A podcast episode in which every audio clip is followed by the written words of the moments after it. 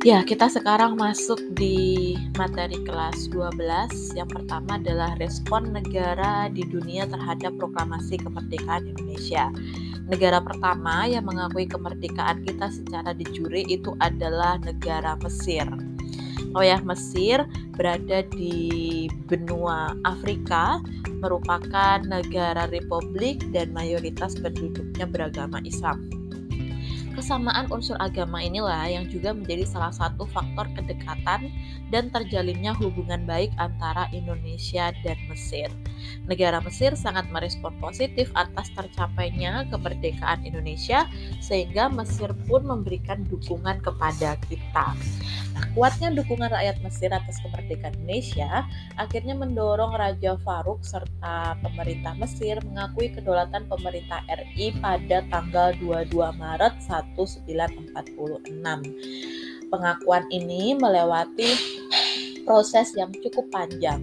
Nah, setelah informasi kemerdekaan Indonesia disebarkan ke seluruh dunia, pemerintah Mesir langsung mengirim Muhammad Abdul Mukmin selaku konsul jenderal Mesir di Bombay, India menuju Yogyakarta.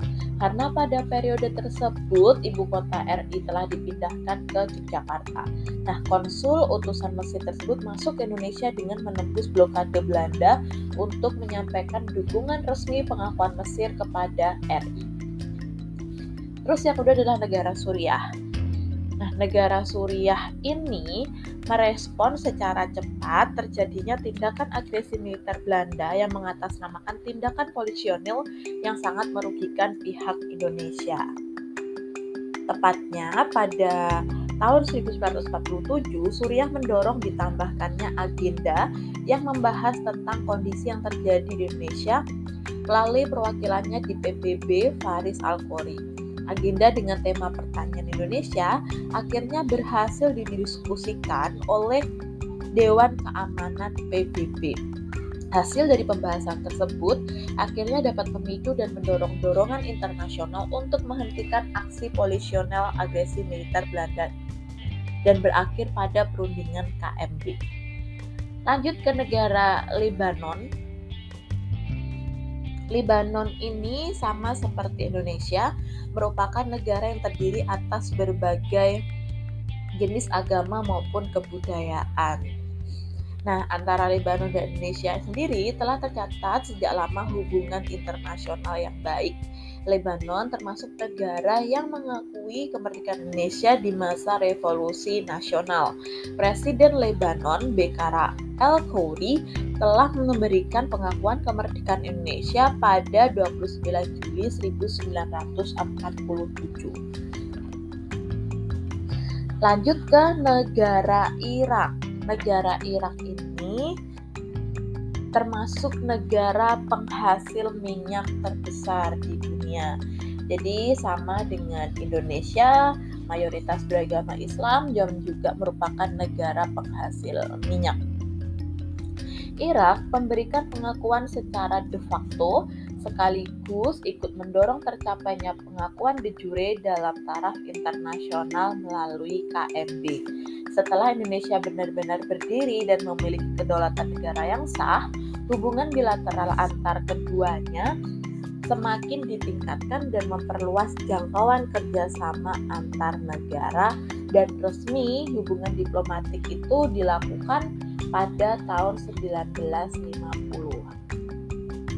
Sekarang negara Vatikan. Nah, menarik nih. Negara Vatikan adalah negara Eropa pertama yang mengakui kemerdekaan Indonesia.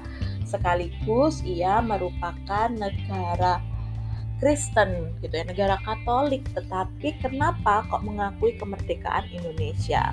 Itu semua semata-mata karena Uskup Katolik Semarang yang bernama Albertus Sugia Pranata menceritakan kepada hierarki di atasnya terkait kondisi umat di Indonesia dan perjuangan bangsa dalam mencapai kemerdekaan.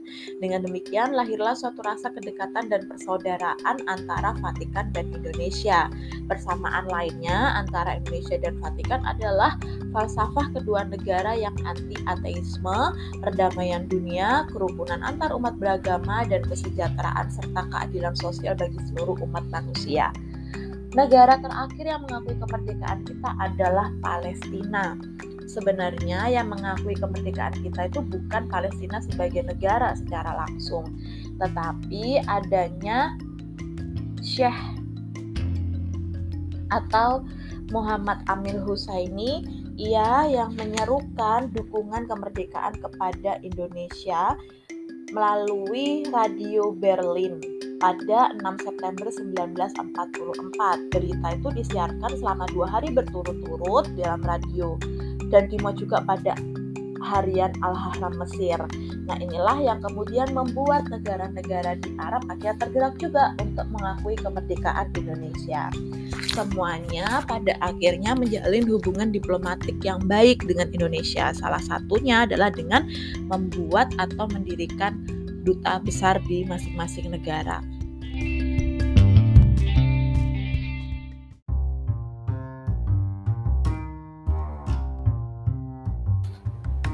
Konferensi Meja Bundar atau KMB itu merupakan pertemuan antara pihak Belanda, Indonesia, dan BFO. Momen penting dalam sejarah kemerdekaan Indonesia ini dilakukan pada 23 Agustus sampai 2 November 1949. KMB yang digelar di Den Haag bertujuan untuk menyelesaikan masalah antara Indonesia dan Belanda yang sudah sekian lama terjadi. Sejak 1942, Belanda menyerah kepada Jepang sehingga wilayah Indonesia diambil alih oleh Dai Nippon. Indonesia akhirnya merdeka pada tanggal 17 Agustus 1945. Tapi Belanda kemudian datang kembali ke Indonesia dengan membonceng tentara sekutu.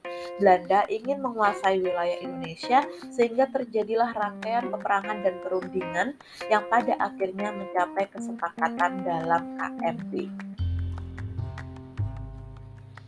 Nah, setelah melewati berbagai macam konferensi, akhirnya Indonesia dan Belanda bertemu di meja KMB atau di meja bundar ini. Delegasi dari Indonesia adalah Muhammad Run, Mr. Supomo, Dr. Lemena, Ali Sastro Amijoyo, Insinyur Juanda, Sukiman, Siono Hadinoto, dan lain-lain dipimpin oleh Muhammad Hatta. Rumusan atau hasil dari isi KMB adalah Kerajaan Belanda menyerahkan kedaulatan penuh atas Indonesia dengan tidak bersyarat dan tidak dapat dicabut dan karena itu mengakui RIS sebagai negara yang merdeka dan berdaulat. RIS menerima kedaulatan itu atas dasar ketentuan-ketentuan dalam konstitusinya. Rancangan konstitusi telah dipermaklukkan kepada Kerajaan Belanda dan kedaulatan akan diserahkan selambat-lambatnya 30 Desember 1945. Sedangkan kalau menurut Ahmad Mansur, meringkas hasil KMP ini menjadi tiga, yaitu penyerahan kedaulatan dari Kerajaan Belanda kepada RIS yang akan dilakukan pada 27 Desember 1949. APRIS disetujui sebagai organisasi kesenjataan satu-satunya yang dimiliki RIS dan kekuasaan terkait dengan Irian Barat akan diperbincangkan lagi satu tahun setelah KMB. Kedua poin pertama pada dasarnya berhasil didapatkan oleh RIS. Namun terkait poin ketiga yaitu soal status Irian Barat ternyata belum dapat diselesaikan dalam waktu yang ditentukan dalam KMB.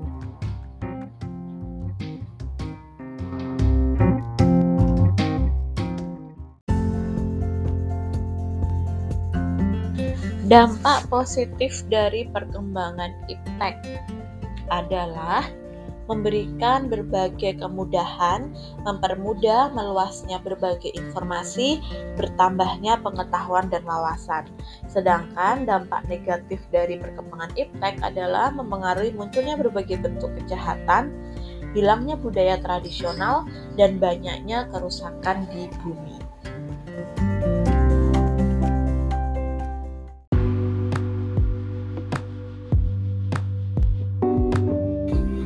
Awal penerapan politik apartheid itu diberlakukan pada tahun 1948 ketika Partai Nasional de Boer di bawah pimpinan Daniel Francis Malan memegang kekuasaan di Afrika Selatan. Di bawah pimpinan Malan, negara ini mulai menerapkan politik apartheid, yakni dengan mengeluarkan undang-undang apartheid. Oleh karena itu, jumlah kulit putih di Afrika Selatan yang hanya 15% dari penduduk kulit hitam dapat menguasai dan mengatur segala permasalahan di negeri kulit hitam. Pada tahun 1950, Undang-Undang Pendaftaran Populasi Semua Warga Afrika Selatan dibagi dalam tiga kategori ras, yaitu Bantu atau Afrika kulit hitam, kulit putih, dan kulit berwarna lainnya. Kemudian ada kategori baru yaitu Asia yang sebagian besarnya adalah warga etnis India dan Pakistan. Sesuai dengan undang-undang pengembangan ras, pengembangan ras terpisah, maka ras kulit putih harus dipisahkan dengan ras kulit hitam. Untuk itu dibentuklah kampung-kampung atau pemukiman-pemukiman khusus untuk orang-orang kulit hitam. Di samping itu, penguasa minoritas kulit putih di Afrika Selatan membatasi hak-hak orang kulit hitam. Antara lain, orang-orang kulit hitam tidak diberi hak menjadi anggota parlemen. Undang-undang mereka adalah Land Act Population Registration Act dan juga Group Area Act. Politik apartheid ini tentunya sangat bertentangan dengan hak asasi manusia, sehingga kemudian menimbulkan berbagai reaksi baik dalam negeri maupun luar negeri. Misalnya ada unjuk rasa atau demonstrasi yang dipimpin oleh Uskup Agung Bismoen Tutu, lalu ada perjuangan yang dilakukan melalui forum-forum internasional seperti KAA, GNB, dan Sidang Umum PBB. Wadah perjuangan untuk menghapuskan apartheid adalah Kongres Nasional Afrika di bawah pimpinan Nelson Mandela. ANC menghendaki Republik Afrika Selatan yang demokratis dan non-rasialis. Dalam perjuangannya, Nelson Mandela pun pernah dipenjara selama 27 tahun. Perjuangan Nelson Mandela berhasil ketika Presiden F.W. de Klerk, pengganti Peter W. Botha, itu memegang tampuk pemerintahan di Afrika Selatan. Ia menghapuskan politik apartheid sekaligus membebaskan Nelson Mandela dan pada 22 Desember 1993 Parlemen Afrika Selatan mengumumkan konstitusi baru. Berdasarkan konstitusi baru tersebut, kelompok minoritas kulit putih akan menyerahkan kekuasaan kepada kelompok mayoritas kulit hitam. Pada April 94 di Afrika Selatan kemudian dilaksanakan pemilu pertama multirasial di mana warga kulit hitam diikutsertakan. Dan pada pemilu ini Nelson Mandela dipilih sebagai presiden pertama Afrika Selatan.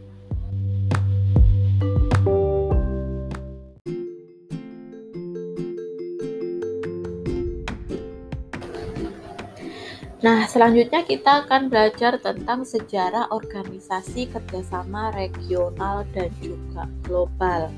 Yang pertama adalah sejarahnya NATO. Dasar pembentukan NATO yang didirikan pada 4 April 1949 ini tercantum di dalam North Atlantic Treaty pada artikel 5 yang ditandatangani oleh 12 negara yaitu Prancis, Luxembourg, Belanda, Inggris, Kanada, Denmark, Islandia, Italia, Norwegia, Portugis, AS dan Belgia. Inti dari piagam NATO adalah kesepakatan dari negara-negara penandatanganan tersebut untuk membentuk pertahanan bersama. Dengan demikian, segala bentuk serangan yang ditujukan kepada salah satu negara anggota NATO atau North Atlantic Treaty Organization ini merupakan wujud serangan terhadap negara-negara lainnya pula. Tujuan utama didirikannya NATO adalah untuk menghadapi ancaman bahaya komunisme di Eropa. Selain itu, juga untuk menciptakan keamanan bersama bagi negara-negara yang berada di kawasan Atlantik Utara. Nah, lalu kemudian ada SEATO. Kalau SEATO ini anaknya NATO tapi ada di Asia Tenggara. SEATO ini singkatan dari Southeast Asia Treaty Organization. Ini merupakan organisasi pertahanan internasional yang ditandatangani pada 8 September 1954 di Manila, Filipina. Lembaga formal SEATO dibentuk pada pertemuan mitra perjanjian di Bangkok pada bulan Februari 1955. Deklarasi Fakta Pertahanan Asia Tenggara tersebut ditandatangani oleh Amerika, Inggris, Australia, Pakistan, Prancis, Thailand, Selandia Baru, dan Filipina. Para anggota dari lembaga ini akan memberikan bantuan militer kepada negara anggota lain yang diserang oleh pihak luar. SEATO ini merupakan aliansi militer pimpinan Amerika Serikat untuk membantu perlawanan terhadap ekspansi komunis di Asia Tenggara. Nah, kalau Indonesia tidak masuk dalam SEATO, apakah artinya Indonesia negara komunis? Tentu tidak. Kalian harus ingat bahwa Indonesia pada waktu itu bergabung dalam gerakan non-blok. Yang ketiga adalah Fakta Warsawa. Fakta Warsawa ini adalah sebuah aliansi militer negara-negara komunisme di Eropa Timur yang berdiri pada 14 Mei 1955. Negara anggotanya ada Republik Albania, Bulgaria, Hungaria, Jerman Timur, Polandia, Rumania, Uni Soviet, dan Republik Ceko. Uni Soviet memprakarsai terbentuknya Pakta Warsawa untuk menanggapi pembentukan NATO. Kesepakatan Warsawa ini salah satunya dilatar belakangi oleh kebijakan Jerman Barat yang bergabung dengan NATO. Nah, kita lanjut ke organisasi lainnya yaitu organisasi ANSUS. ANSUS atau Australia, New Zealand, dan United States ini merupakan sebuah organisasi fakta pertahanan bersama di kawasan Pasifik yang didirikan 1 September 1951 yang bertujuan untuk meningkatkan keamanan di kawasan Asia Pasifik meningkatkan kerjasama militer dan mencegah terjadinya agresi dari negara lain, menghadapi ancaman negara lain, mengkoordinasi pertahanan bersama, membendung pengaruh komunisme, dan meningkatkan kerjasama militer untuk mencegah terjadinya agresi negara lain ke kawasan Asia Pasifik. Poin ini merupakan poin inti dan terpenting di mana melalui pernyataan tersebut baik Australia, Selandia Baru maupun Amerika Serikat berkomitmen untuk membentuk sebuah aliansi pertahanan.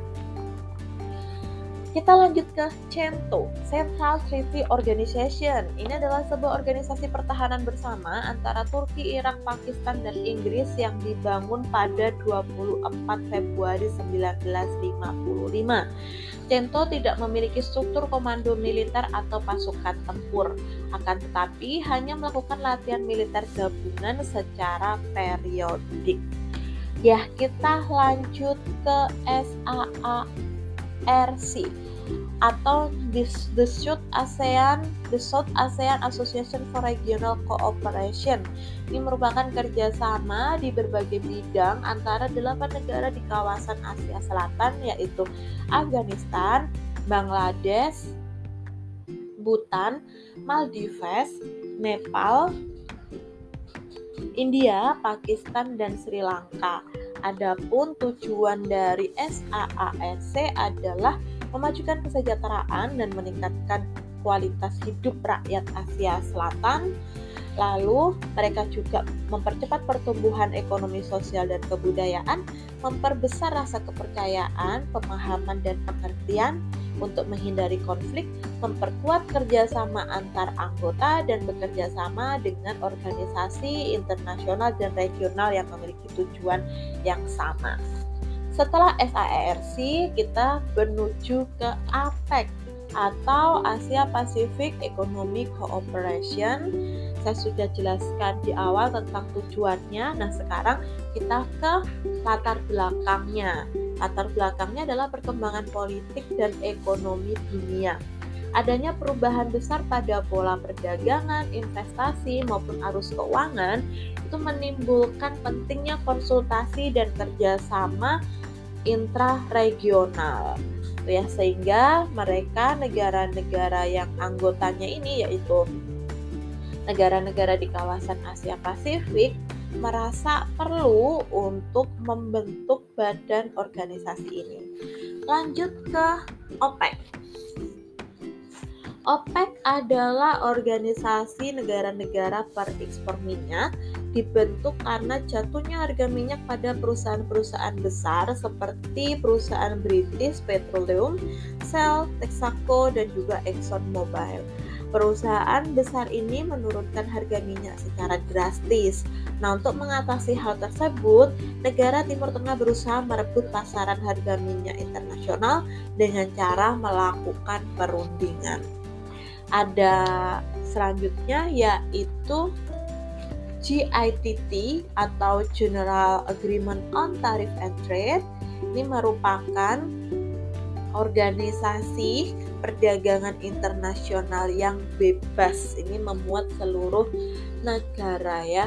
Dan ini dilatar belakangi karena adanya permasalahan dalam kegiatan ekonomi sehingga pada 1 Januari 1948 mereka bersepakat untuk membentuk GITT dalam satu beberapa prinsip di antaranya adalah perdagangan internasional harus didasarkan pada prinsip non-diskriminasi. Lalu negara yang ingin melindungi industri dalam negerinya dapat memberikan perlindungan mulai tarif dan tidak melalui perdagangan non-tarif. Perlakuan dan kebijakan perdagangan harus dilakukan secara transparan dan jelas serta terbuka dan berusaha untuk menciptakan stabilitas perdagangan. Oke, lanjut ke WTO. WTO ini uh, dirintis dengan disepakatinya GITT pada tahun 1947 sebagai awal dari rencana pembentukan International Trade Organization yang merupakan satu dari tiga kerangka Bretton Woods Institution. Nah, ini terjadi karena globalisasi mengubah struktur dan pola perdagangan internasional. Perkembangan globalisasi ditandai dengan bertumbuhnya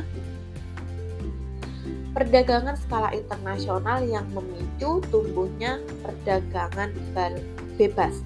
Hal ini membuat perubahan penting bagi dunia menuju liberalisasi perdagangan ada WTO, ada juga organisasi lainnya yaitu AFTA, NAFTA, dan juga KAFTA.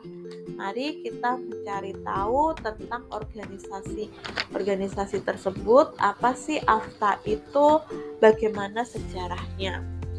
Ya, kalau AFTA ini seperti yang sudah saya jelaskan di awal, ini merupakan organisasi ASEAN didirikan pada tahun 92 di Singapura untuk membentuk zona perdagangan bebas dalam rangka dalam rangka untuk meningkatkan daya saing ekonomi kawasan regional ASEAN dan menjadikan ASEAN sebagai basis produksi dunia. AFTA dipandang perlu karena uh, rencana tak meningkatkan daya saing ekonomi di kawasan regional itu harus tercapai dalam kurun waktu 15 tahun. Kita lanjut ke CAFTA. Kalau CAFTA tadi juga sudah dijelaskan terkait dengan Cina dan ASEAN. Nah, ini CAFTA ini didirikan karena adanya kesepakatan dan bertujuan untuk meningkatkan kesejahteraan masyarakat ASEAN dan juga Cina. Ada lima bidang kunci yang disepakati yaitu sektor pertanian, telekomunikasi, pengembangan, pertanian, uh, sumber daya manusia, investasi antar negara, dan pembangunan di sekitar area Sungai Mekong di Vietnam. Nah, selain itu, CAFTA juga mengandung tiga pilar liberalisasi, fasilitasi, dan kerjasama ekonomi. Lanjut terakhir adalah NAFTA. NAFTA ini North American Free Trade Agreement atau bisa dibilang sebagai organisasi kerjasama perdagangan bebas antara negara-negara di Amerika Utara. Dibentuk pada 1 Januari 1994 yang diawali dari perdagangan bebas antara Amerika Serikat dan Kanada kemudian ditambah dengan Meksiko. Pembentukan organisasi ini dilatar belakangi karena usaha untuk memperbaiki kondisi perekonomian Kanada yang semakin memburuk Soalnya pengangguran di sana meningkat dan banyak perusahaan-perusahaan Kanada yang memindahkan investasinya ke Amerika.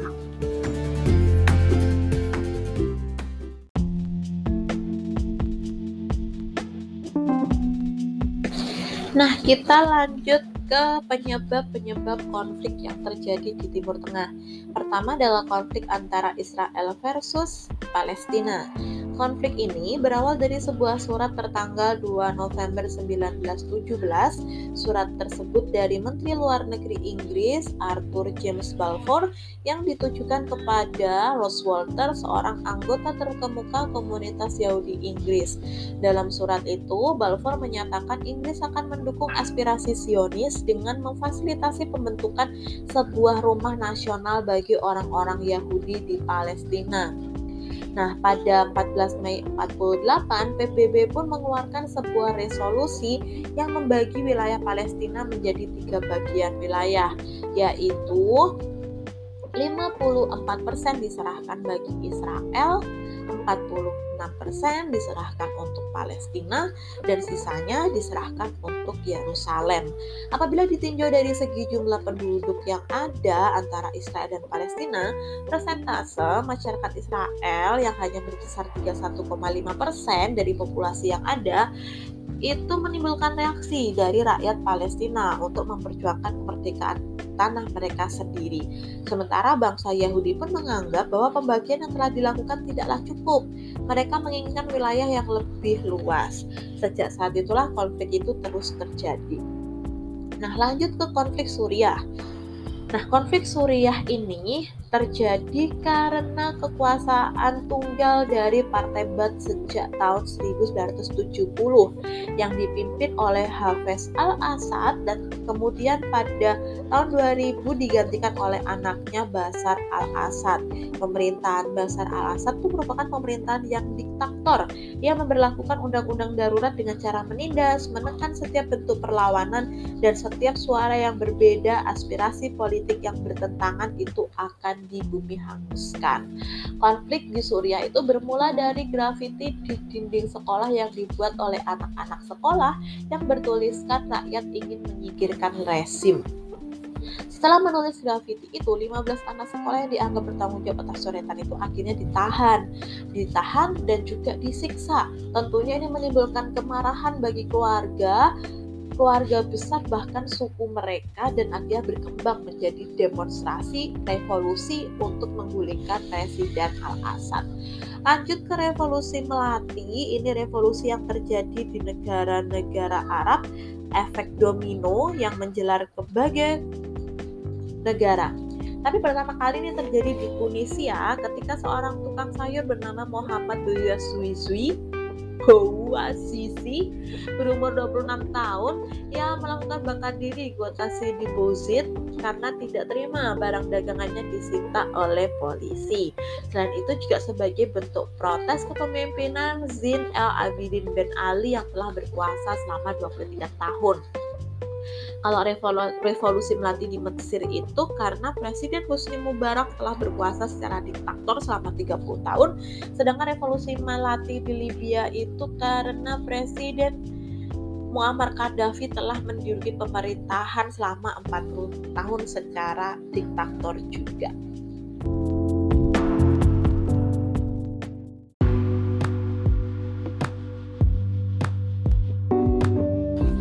Yang terakhir adalah kebijakan Jepang dalam bidang pendidikan.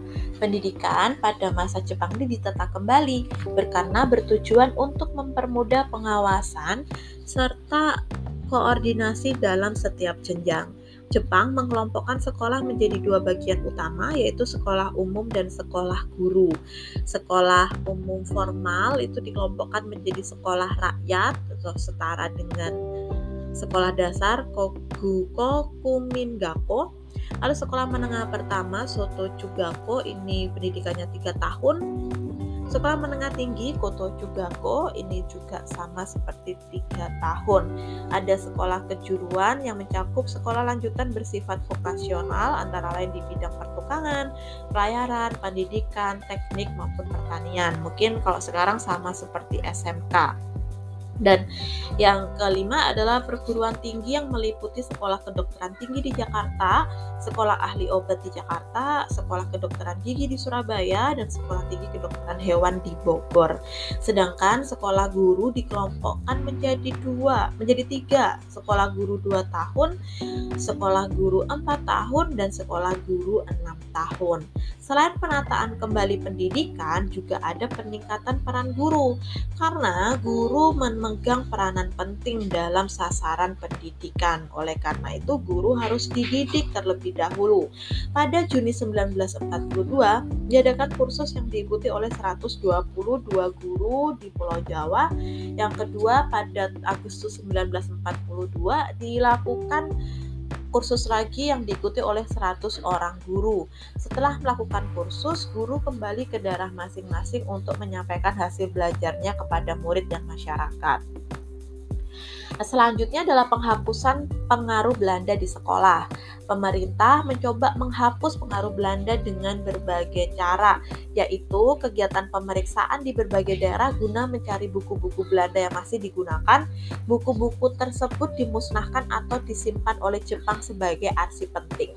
Dan yang kedua adalah penutupan sekolah Belanda dan larangan menggunakan materi tentang Belanda dan bahasa-bahasa Eropa lain. Hal ini mengakibatkan peranakan Cina kembali ke sekolah-sekolah berbahasa Mandarin di bawah koordinasi Hua Chiao Sung Hui dan juga ini berakibat bagi para guru karena harus menerjemahkan bahasa buku-buku berbahasa asing ke dalam bahasa Indonesia. Kebijakan diterapkan pemerintah Jepang di bidang pendidikan adalah menghilangkan diskriminasi atau perbedaan yang diterapkan Belanda.